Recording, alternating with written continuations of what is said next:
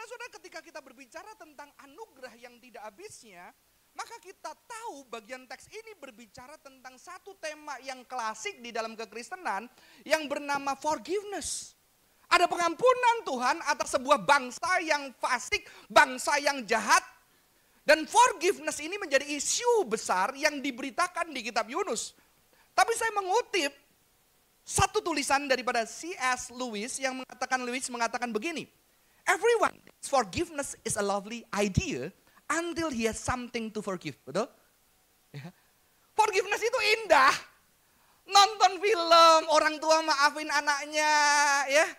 Paling indah adalah ketika kawin, nonton orang nikah, terus wah datengin papa mamanya. Saya selalu nangis. Ya, saya selalu nangis. Saya selalu nangis kalau lihat itu ya. Walaupun anak sini ada yang nggak nangis ya, waktu mengucapkan ke orang tua ya. Tapi banyak yang nangis teman-teman. Dan di situ ada sesuatu keindahan sekali. Ketika kita melihat film-film yang berbicara tentang pengampunan itu sangat indah dan kita begitu tersentuh. Bahkan kita turut menangis. Tetapi ketika Anda berhadapan yang namanya forgiveness, Anda nggak akan melihat itu indah, betul? Ya.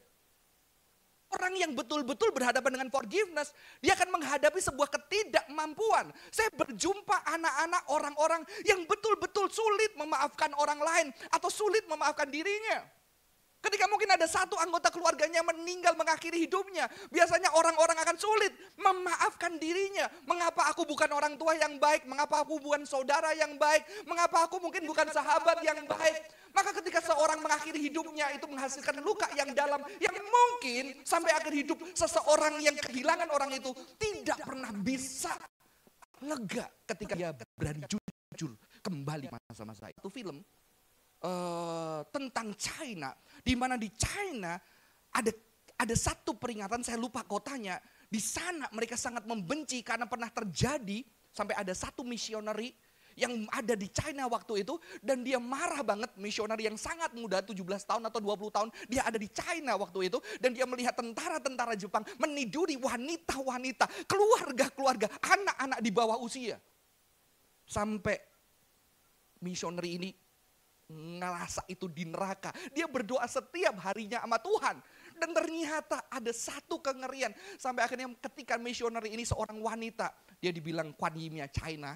Saya lupa namanya siapa. Jadi ke, ke Amerika akhirnya dia berusaha mengakhiri hidupnya. Dan dia tidak berhasil terselamatkan. Dan akhirnya dia mengakhiri hidupnya. Dan dia berhasil mati. Kenapa? Karena dia kuat melihat trauma, kejahatan sebuah bangsa. Dan saya juga lihat ada seorang bapak yang ketika dipukulin lalu anaknya bilang, udah gak apa-apa, aku dididurin gak apa-apa, tolong selamatkan bapakku. Dan saya melihat mata-mata yang penuh dengan kekecewaan, kebencian, yang menantikan keadilan yang begitu dahsyat. Kita gampang bicara forgiveness. Kita belum dihadepin kondisi-kondisi seperti itu saudara-saudara. Maka jangan terlalu negatif terhadap Yunus. Ya, jangan terlalu negatif terhadap Yunus. Yunus saudara-saudara jujur merasakan kepedihan, kemarahan, kekecewaan yang begitu dalamnya.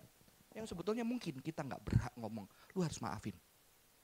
Maka sekarang saudara-saudara, saya bicara sama sesama orang Kristen. Jangan gampang ngomong ketika orang temanmu menderita kamu, lu harus maafin dia itu perintah Tuhan. Lu belum mengalami yang dia alami. Sehingga apa saudara-saudara? Kritik seorang filosof ateis yang bernama Nietzsche. Mentalitas orang Kristen adalah glorification of weakness Kan lu gak berani berteriak keadilan, lu gak berani ngelawan. Sekarang lu udah ampuni aja, serahkan sama Tuhan. Lu tidak berani meneriakkan keadilan. Glorification of witness. Seorang filosof yang tujuh turunan anak pendeta. Yang dia mengatakan God is dead. Ya. Maka banyak orang percaya bilang apa? Seorang penulis mengatakan, Christian forgiveness tidak berbicara tentang glorification weakness karena keadilan harus diangkat yang paling tinggi juga forgiveness tidak menghilangkan justice. Ya, kalau begitu nanti akan jadi cheap forgiveness. Karena kamu tidak berani menghadapi realita dan tidak berani meneriakkan keadilan saudara-saudara. Ya. Maka tidak heran ketika kita membaca Alkitab ini dikatakan apa? Yunus itu sungguh-sungguh tidak suka. Dan dia melihat bahwa keselamatan yang didatangkan Tuhan atas Nineveh itu sebagai sebuah bencana besar teks yang aslinya. Ya, yang digunakan adalah ra'a, kejahatan besar. Ya. kejahatan besar. Maka kadang-kadang ketika kita ngomong forgiveness, bukan berarti saya tidak percaya forgiveness, saudara-saudara. Karena forgiveness di dalam kekristenan sudah mulai direduksi. Ada teolog yang mengatakan therapeutical forgiveness. Forgiveness demi lu rasa tenang, ngapain lu benci, nggak enak buat hatimu, udah maafin aja supaya hatimu lega. Kekristenan punya pengampunan tidak berbicara supaya lu lega. Oke? Okay? Tidak berbicara sesuatu yang mengglorifikasi kelemahan-kelemahan sehingga kita berhenti meneriakkan keadilan saudara-saudara. Maka Yunus dengan jujur sangat marah, sangat kecewa dan dia melihat ini kejahatan besar. Ada seseorang bangsa yang jahat banget, tapi Tuhan selamatkan dia. Dan dikatakan he became angry.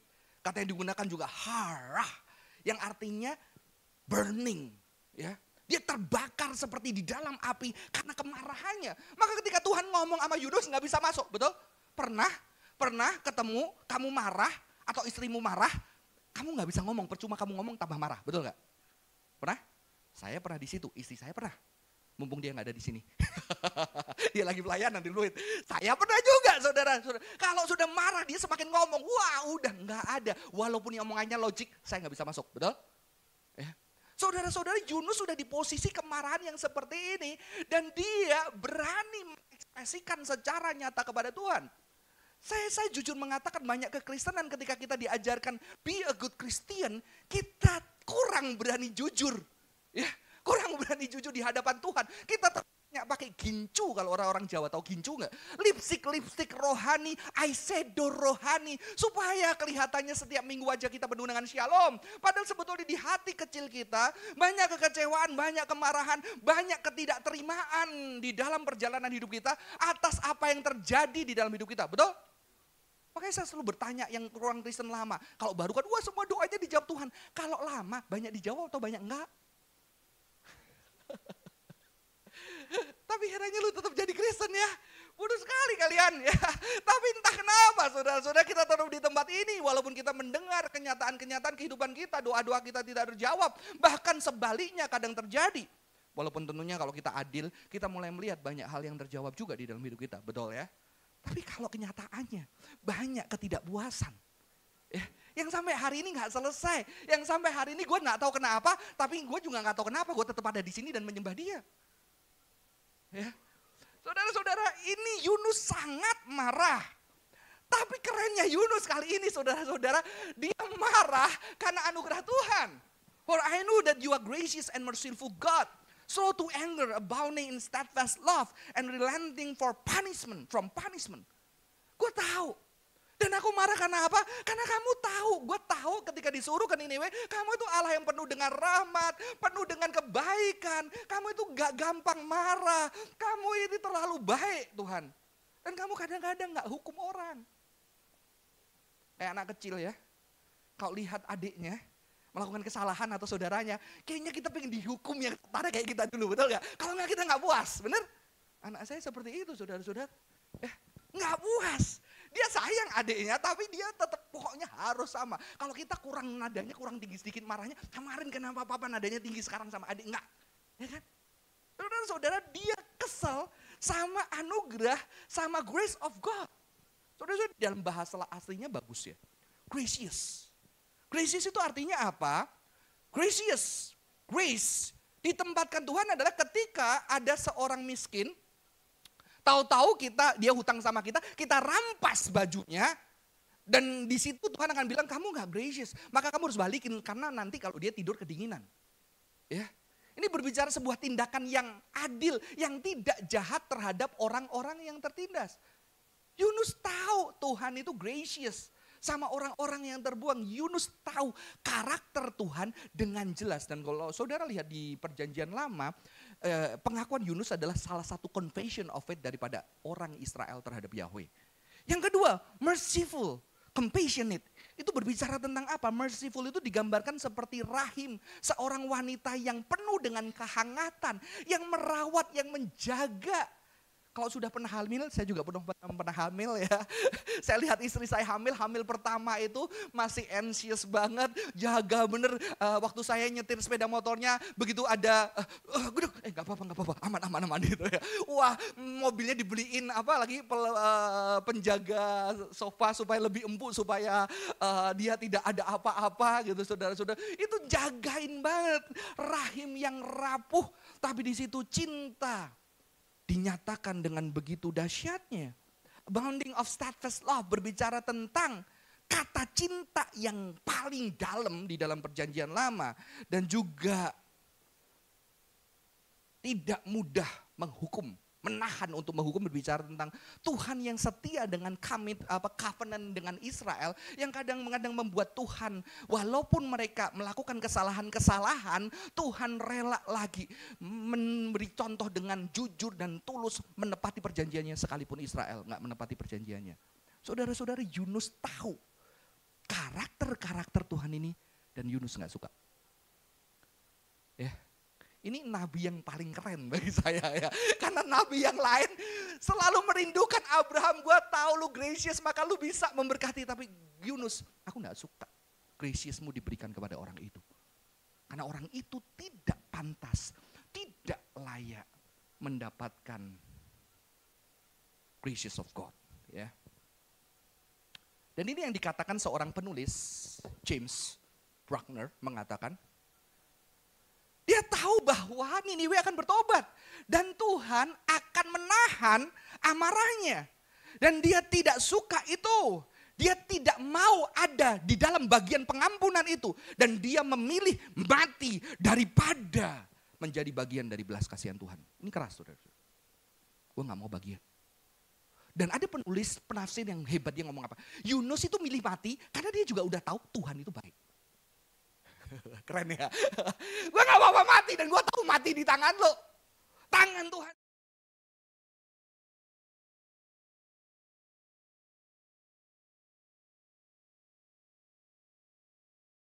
Ini dia adalah seorang nabi yang penuh dengan kemarahan dan penuh dengan kekecewaan karena dia tidak mampu melihat ada anugerah Tuhan yang diberikan kepada seseorang yang sangat dia benci.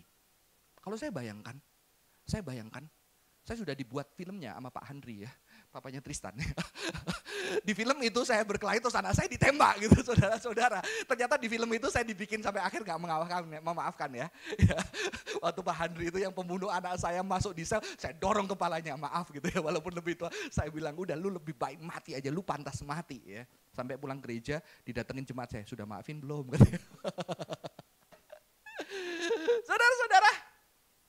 Kalau Anda bayangkan itu, pasangan Anda, suami Anda, istri Anda, anak Anda, orang tua Anda. Ketika ada gracious of God buat orang itu. Gimana perasaan Anda? Saya lumayan berhasil jadi guru waktu SD. Saya dulu waktu lulus sekolah Alkitab ditanya sama pendeta Yakub Sisabda, kamu ada ini ada kampus yang meminta surat untuk kamu pelayanan di sana kamu mau di kampus atau di gereja? Saya bilang, nggak mau di gereja, banyak masalah, banyak politik. Saya bilang gitu, saya mau di kampus aja. Ternyata Pak Yakub Saudara bilang, oh kalau kamu gitu harus di gereja. Saya dikirim ke gereja, saudara-saudara ya. ya di sini ada muridnya pendeta Yakub, kalau ditanya, tanya, jawab sebaliknya. Dan ketika itu ternyata di dalam dikirim ke gereja, saudara, puji Tuhannya gerejanya udah lupa manggil saya, udah ada betuan lain yang masuk. Akhirnya saya ditaruh di SD, lebih neraka. SD. Saya belajar Christian worldview, Aristotle, Proto, Socrates, SD. Mati nggak? Akhirnya saya bilang sama pemimpin, Pak boleh nggak kasih saya penghiburan? Saya juga pengen di SMP, SMA. Puji Tuhan saya didengarkan. Saya dapat belas kasihan, Senin, Selasa, SD, Rebu, Kemis, SMP, Jumatnya SMA. Ya, yang saya mau malah cuma satu kali. Konseling anak-anak yang bandel. Dan ketika SD saya harus menceritakan Yunus.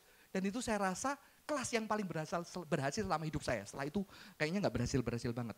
Dan waktu itu saya mengajarkan, ayo anak-anak gambar yang paling indah. Siapa gambarnya yang paling indah? Wah ditunjukin gambarnya indah, tak sobek-sobek di depan mukanya. Anak SD mengalami abuse ya. Ini bagus ya, saya sobek-sobek. Saya masih ingat wajahnya, saya sambil senyum-senyum. Terus saya bilang, ayo gambar lagi yang indah. Mereka gambar lagi tapi dengan penuh ketakutan.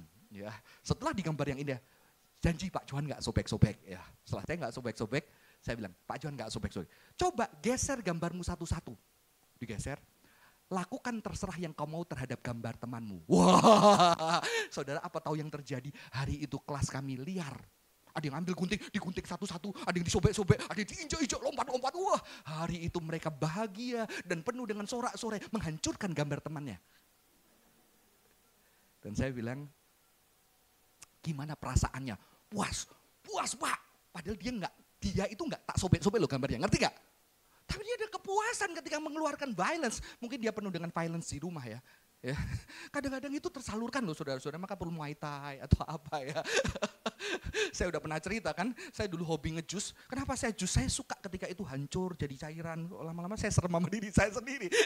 itu violence saudara-saudara. Mereka puas dengan violence. Dan ketika puas dengan violence, saya tanya, tapi waktu kamu disobek-sobek tadi, kamu kan yang pertama tak sobek-sobek. Hatimu apa? Sakit banget pak. Kenapa itu kan gambaranku, kenapa Pak Johan sobek-sobek. Kamu gimana? Sakit, sakit, sakit. Saya bilang, itu loh isi hatinya Tuhan. Ketika disobek-sobek. Tapi itu isinya hati Yunus ketika kamu udah disobek-sobek, pengen hancurin. Oh hari itu kelas saya berhasil, habis itu main. Ah, bebas waktu bebas saudara-saudara. Pesan tersampaikan ya. saya tidak pernah seberhasil itu setelah itu saudara-saudara. Terjadi saudara-saudara, Yunus jujur mengalami satu sakit yang dirasain dengan tubuhnya yang bukan hanya sebatas gambar. Bangsa Mungkin seperti orang-orang China itu ketika diwawancara, padahal dia dulu masih muda, setelah bertahun-tahun dia ada kakek-kakek. Ketika dia menceritakan, dia masih nangis dan marah. Ketika mengingat apa yang dilakukan tentara-tentara Jepang terhadap cucunya, ponakan, anaknya, keluarganya. Sampai misioner itu mengatakan China waktu itu udah kayak neraka. Aku cuma berdoa ngelewatin hari demi hari. Misioneri wanita itu ngumpulin anak-anak di rumahnya di di di apa di uh, uh, orphan orphanage ya di apa namanya orphanage. Gaya banget saya. Rumah apa? Panti asuhan, di panti asuhan dikumpulin supaya tidak karena panti asuhan dilindungi oleh orang eh, US saudara pada masa itu orang misioneri. Jadi orang Jepang nggak berani tapi nggak terkumpulkan dihabisin tuh sama tentara-tentara Jepang. Saudara-saudara. Ada satu kemarahan yang dirasakan Yunus saudara-saudara. Tapi satu yang saya ingat ketika saya mempersiapkan tentang forgiveness, saya membaca satu buku. Orang yang sama, dia mengatakan apa? In some situation, the struggle to embody Christian forgiveness may cost our life. Christian forgiveness require our death. For as we participate in Christ dying and rising. Yeah. Jadi ternyata Christian forgiveness bukan bicara terapeutika. Forgiveness. Yang lu enak setelah lu memaafkan. No, itu memang hasil dari pengampunan. Tapi pengampunan bukan karena seperti itu. Banyak motivator ngatain, maafin aja ngapain lu bebanin hidupmu yang gak perlu. Supaya hidupmu sehat, lu bisa mencapai hal yang optimal. Maafin aja, ngapain itu jadi beban. Christian forgiveness, not only about that. Christian forgiveness ngomongin apa? Ketika kita forgive, Taruhannya adalah nyawa kita. Karena ketika Tuhan mengampuni, dia berikan tubuhnya, dia berikan nyawanya untuk menunjukkan cinta. Karena kita tahu ada bagian diri kita yang dihancurkan di sana. That is Christian forgiveness. Kita harus mati. Tapi ada harapan Yesus yang mati karena mengampuni dia bangkit lagi saudara-saudara. Tidak mudah. Maka banyak orang-orang Kristen yang katanya akhirnya bisa mengampuni. Dia pasti meneteskan air mata. Dan saya menjumpai termasuk saya. Ketika saya mengampuni, ketika saya mau ngomong, aku mau, hmm, nggak bisa keluar. Nggak bisa keluar. Ah nggak apa-apa, gue nggak apa-apa, gue udah oke okay kok. Gue males aja. Gue udah oke. Okay. Saudara-saudara ternyata forgiveness itu. Ketika saya meneliti, kemarin saya khotbah di salah satu uh, university di Tangerang. Ternyata forgiveness itu bukan cuma satu momen. Sehingga orang Kristen itu langsung bilang, eh gue udah mengampuni, udah selesai. No, karena ada ayat mengatakan, hendaklah engkau saling mengampuni. Saling mengampuni. Jadi sebuah lifestyle, sebuah journey. Sehingga kita nggak pernah lolos, nggak pernah selesai dengan yang namanya forgiveness sampai akhir hidup kita. Maka kita manusia yang bertubuh yang bisa kecewa, bisa sakit, saudara-saudara. Tapi hari ini saya tidak berbicara jernih itu. Saya berbicara apa? Ternyata untuk sebuah forgiveness, Tuhan menunjukkan bahwa ada hal yang harus dibayar. Dan Yunus tidak mampu. Karena ketika dia menyerahkan itu saudara-saudara, dia menyerahkan itu ada bagian dari dirinya, keyakinannya. Ada dia harus mati.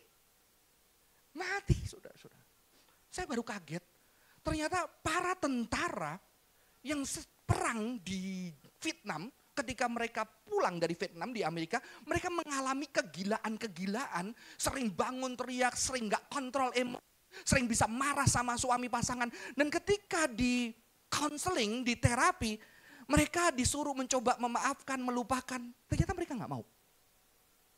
Karena mereka mereka tidak bisa melupakan sahabat-sahabat mereka yang mati di sana. Saya kaget sudah. Udah lupain, coba diterapi, nggak bisa.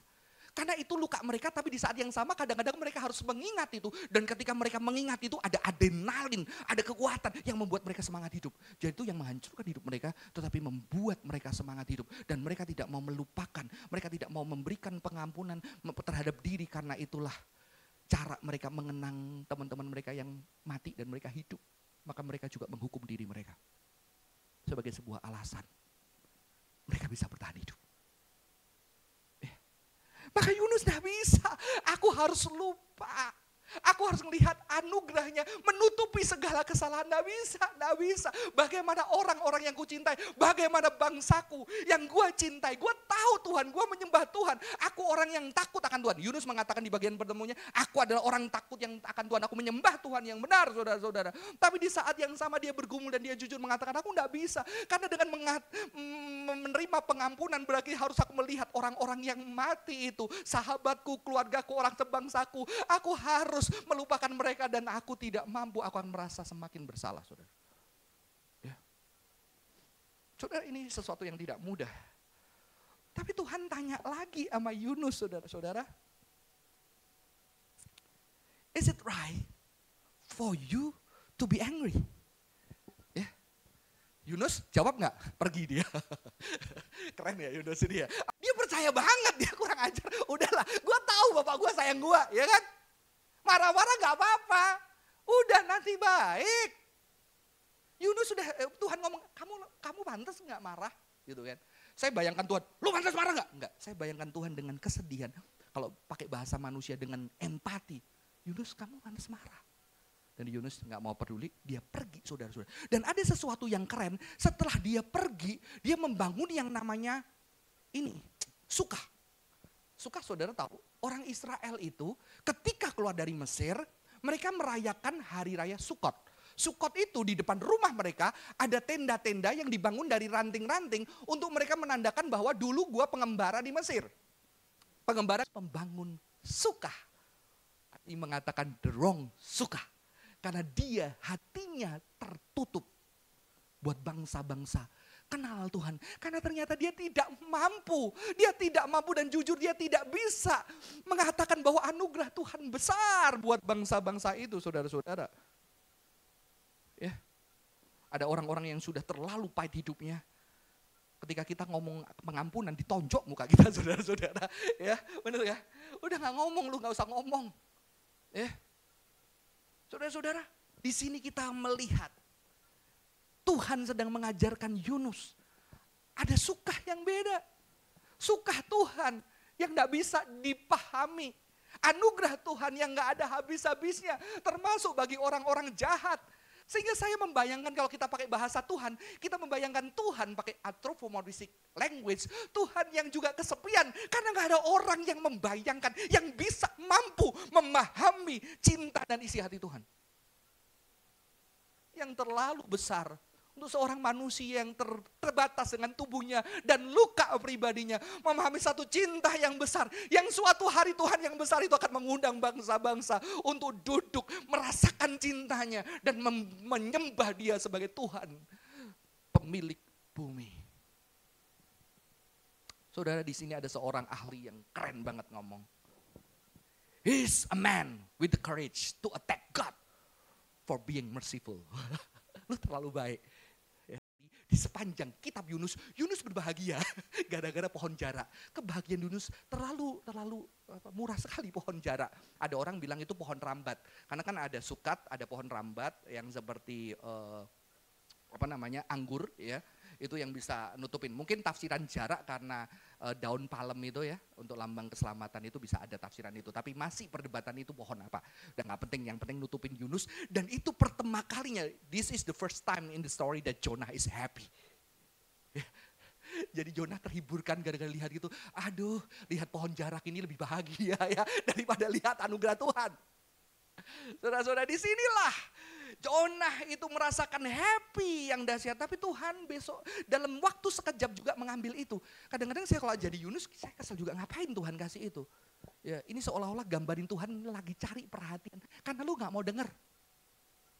Tapi Tuhan cari perhatian Yunus untuk akhirnya Yunus mau denger. Dan di sini saudara-saudara, Yunus akhirnya tahu dan di sini akhirnya kalau awal Yunus mengatakan lebih baik gua mati dia marah.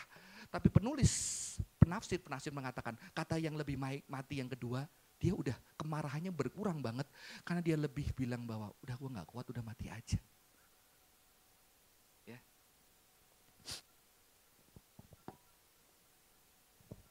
Pernyataan yang kedua mengatakan bahwa this is time Jonah request is more deadly and more serious. So we can have no doubt tetapi di situ justru ketika Yunus sudahlah capek, udah, udah, udahlah nggak peduli, udah mati mati. Saudara kalau kamu di dalam perjalanan ada kan, waktunya ketika kamu menghadapi masalah, kamu udah capek, kamu udah nyerah, kamu udah serahin semua. Dan di situ justru penulis ini mengatakan bahwa Tuhan bisa ngomong sebagai teman saat itu untuk mencoba mengajari Yunus supaya mengerti dia. Saya membayangkan Tuhan yang mendekati Yunus. Bukanlah Tuhan yang marah-marah karena lu nggak nurut, lu tidak taat. Kita kan sering gitu ya. Kalau kitab Yunus kan sering digituin nama mungkin hamba Tuhan atau anak-anak kita supaya kita taat ya. Ditakut-takutin ya. Nanti lu dimakan tuh. Nanti lu eh, kepanasan lu sampai mau pingsan lu. Tapi saya percaya Tuhan itu penuh dengan kasih dan rahmat. Jadi ketika dia sedang dying, bukan Tuhan rasain lu dying, masih tidak taat, mau mati gitu. Enggak saudara-saudara, saya yakin Tuhan sebagai teman yang juga mungkin dying. Yang juga dengan suara lirih ada sebagai teman untuk membuat Yunus bisa ngerti cinta Tuhan. Ya. Yang membuat saya bahagia adalah kitab Yunus enggak ada akhirnya. Yunus ngerti atau enggak. sehingga kita bisa menambahkan. Biasanya Alkitab itu kalau tidak diselesaikan saudara-saudara, saudara yang harus menjawab di dalam kehidupan saudara. Ya. Saudara yang harus menjawab sendiri. Sehingga Tuhan mengakhiri dengan kata, dia tidak pakai alasan, dia pakai alasan ini adalah bangsa yang aku ciptakan. Yang aku ciptakan dan aku mereka masih seperti anak kecil. Anak kecil itu belum bisa bedain kanan kiri, apalagi kalau disleksia, nggak bisa.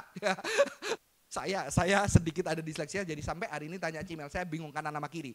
Jadi kalau kanan kiri bingung, tapi kalau kanan tangan cebok sama salaman saya nggak bingung.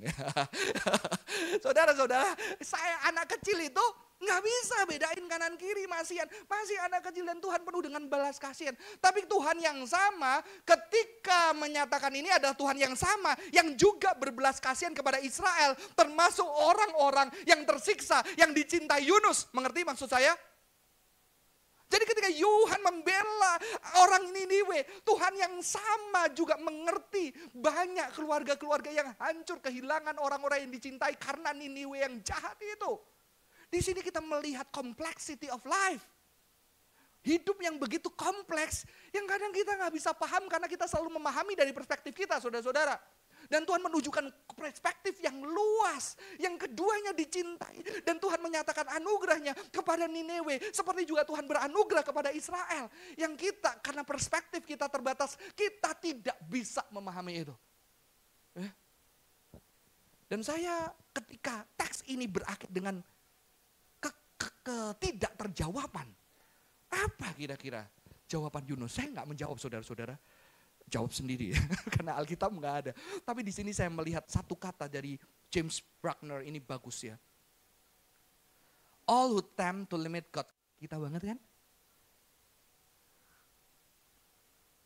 Anugerahmu besar, anugerahmu besar, benar aku masuk orang-orang yang paling menyakiti. Dan kita cuma mau apa? I want only the grace that has come to me. Dan aku tidak mampu melihat anugerah Tuhan yang besar kepada orang-orang yang menyakiti aku. Saya berharap Yunus tertunduk, bersujud, dan tetap bilang, Tuhan aku tetap nggak bisa. Karena kalau aku bisa menerimanya, itu bukan abundant grace. Ngerti? Di sinilah teologi mistis bisa membantu. Tuhan yang nggak bisa kupahami anugerahnya. Dan ketika aku memahatakan aku tidak bisa memahami itu sebuah pemahaman, betul? Pemahaman akan ketidakterpahaman yang tetap tidak bisa memahami Tuhan. Dan kita cuma bisa tertunduk, bersujud, menangis, kecewa, sedih. Tapi kita tetap menyembah dia. Sekalipun hati kita tidak bisa menerima. Mungkin tidak semua orang menerima kenyataan-kenyataan hidup yang berat. Tapi ada orang-orang yang menerima kenyataan hidup yang berat, yang tidak terselesaikan sampai akhir hidupnya sehingga dia tidak memahami kenapa keluargaku harus hilang, kenapa keluargaku harus mengakhiri hidupnya, kenapa papaku seperti ini. Tapi dia tersunjuk di dalam ketidakpahaman, mengikut Tuhan, menyembah Tuhan, melayani Tuhan. Kehidupan itu tidak untuk dijawab, saudara. Ya, sehingga seorang filosof eksistensial mengatakan, kehidupan adalah bukan untuk dijawab, tapi kehidupan untuk dijalani dihidupi, saudara-saudara. Mungkin ini satu video yang bisa saya silakan. Ada satu kisah ibu yang kehilangan anaknya.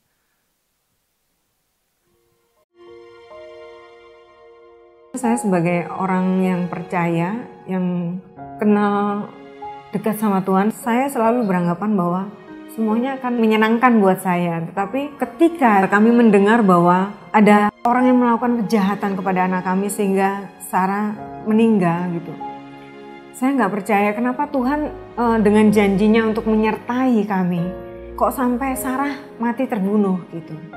Saya menyalahkan Tuhan dan saya marah sama Tuhan.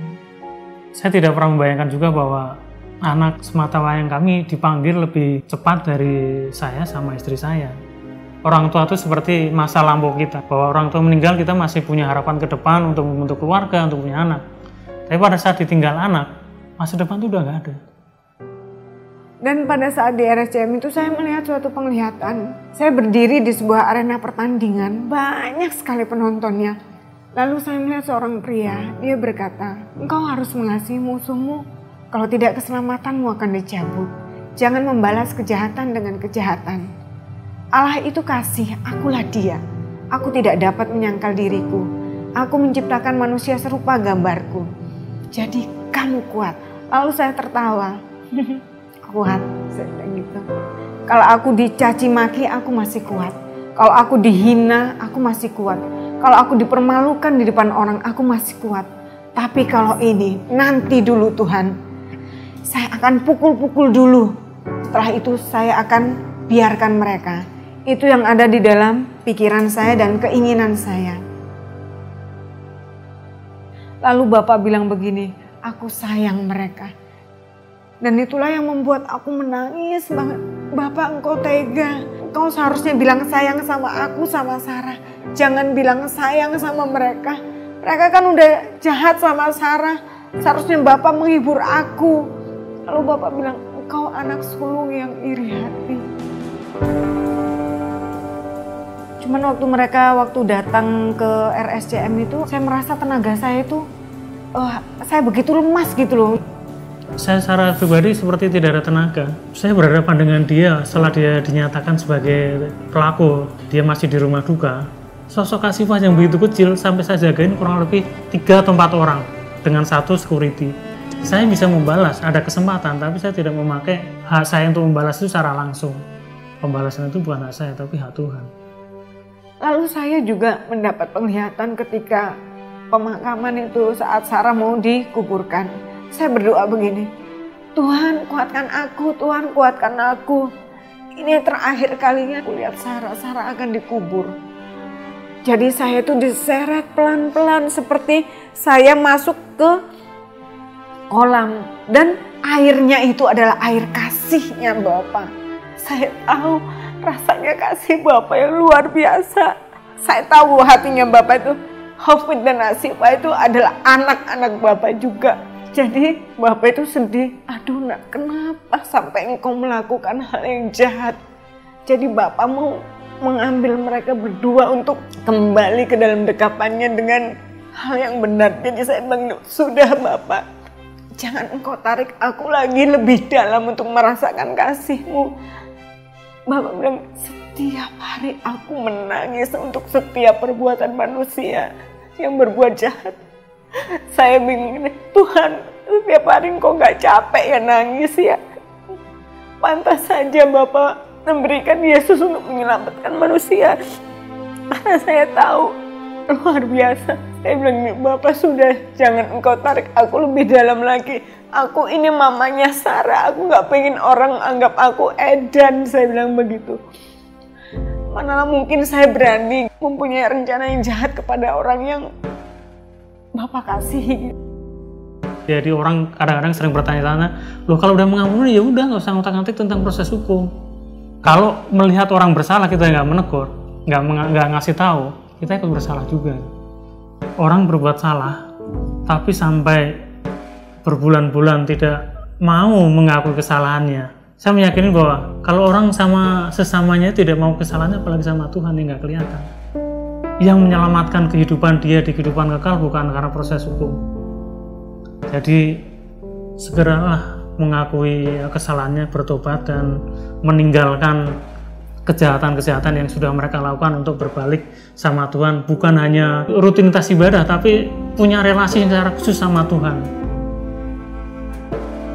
Tadinya aku udah mau mengampuni tapi aku mau tetap udah biar aja aku nggak mau ketemu nggak mau apa sama mereka berdua.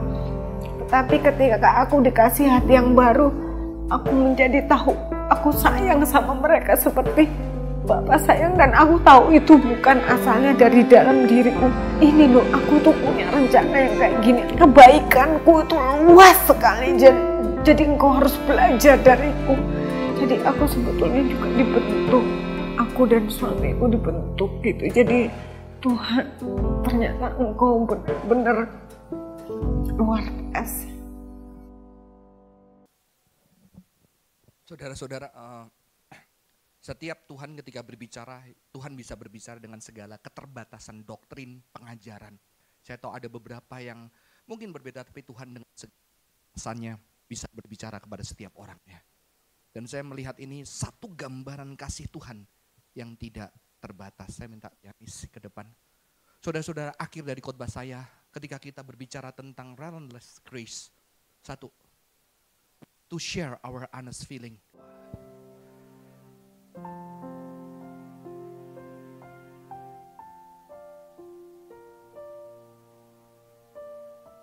Sebelum berdoa, yuk kita nyanyi lagu Ku mau sepertimu Yesus. Ku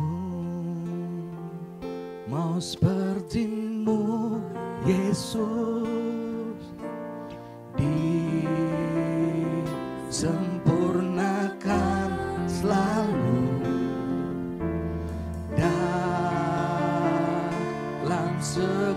child.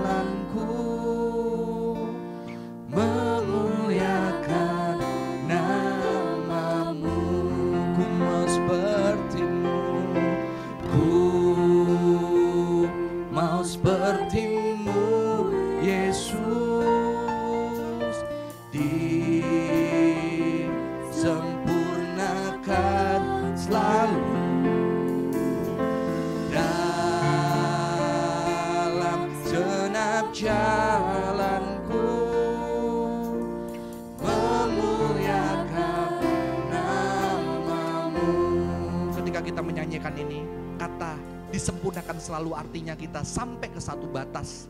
Kita terbatas, kita terdiam, kita tidak bisa mengerti. Tapi ada kasih Tuhan yang menyempurnakan kita. Kasih Tuhan yang melampaui segala pengetahuan teologi, pemahaman kita, melampaui segala kekecewaan dan kemarahan kita, yang siap menyempurnakan kita. Mari kita berdoa. Tuhan bersyukur buat anugerahmu yang besar, yang begitu tidak terbayang. Yang mungkin kami belum mengalami itu Tuhan. Tapi kami mulai menjadi orang-orang yang tidak mudah mengatakan kepada orang, udah kamu harus mengampuni, memaafkan. Karena kasih Tuhan besar. Tapi kami bisa belajar menjadi orang-orang yang diam. Yang juga mau memahami ketidakmengertian orang lain. Dan ketika kami tidak mengerti, Kami juga menjadi orang-orang yang berani datang kepada teman kami. Kami kecewa, kami marah, kami tidak mengerti, kami tidak mempunyai jawaban. Kami kecewa dengan apa yang kami alami dengan hidup kami. Dan di situ kami tersimpuh di kaki Tuhan. Di dalam segala ketidakmampuan, ketidakmengertian, ketidakpahaman kami. Kami tersimpuh di kakimu. Dan biarlah kasihmu menyempurnakan kami Tuhan. Tolong setiap kami ada jemaat Tuhan yang sedang bergumul mungkin, sedang tidak bisa memahami kasih-Mu, memahami kenyataan-kenyataan hidupnya, mengapa itu harus terjadi di dalam hidup mereka. Biarlah mereka tersimpu di dalam ketidaktahuan, di dalam keberserahan, mungkin di dalam kekecewaan dan ketiada jawaban hidup di bawah kaki Tuhan. Dan biarlah anugerah-Mu bagi teman-teman buat kami yang mungkin masih punya dengan kebencian dengan orang-orang tertentu yang kami hari ini belum bisa memaafkan. Kami pengen Tuhan menghukum orang itu lebih keras. Tolong kami Tuhan juga. Kami percaya anugerah Tuhan juga tetap ada buat kami. Membimbing kami setiap harinya. Buat kami yang baik-baik saja Tuhan biarlah kami jadi teman buat orang-orang yang sedang terluka, yang sedang tidak paham di dalam hidup ini. Kami menjadi teman yang diam, teman yang menemani, yang bisa juga tidak judgmental, tidak gampang mengatakan kau harus mengampuni, tapi mau mendengar segala jerit lelah teman kami Tuhan. Terima kasih Tuhan buat hari ini, buat firman Di dalam nama Tuhan Yesus Kristus kami bersyukur dan berdoa. Amin. Tuhan Yesus memberkati.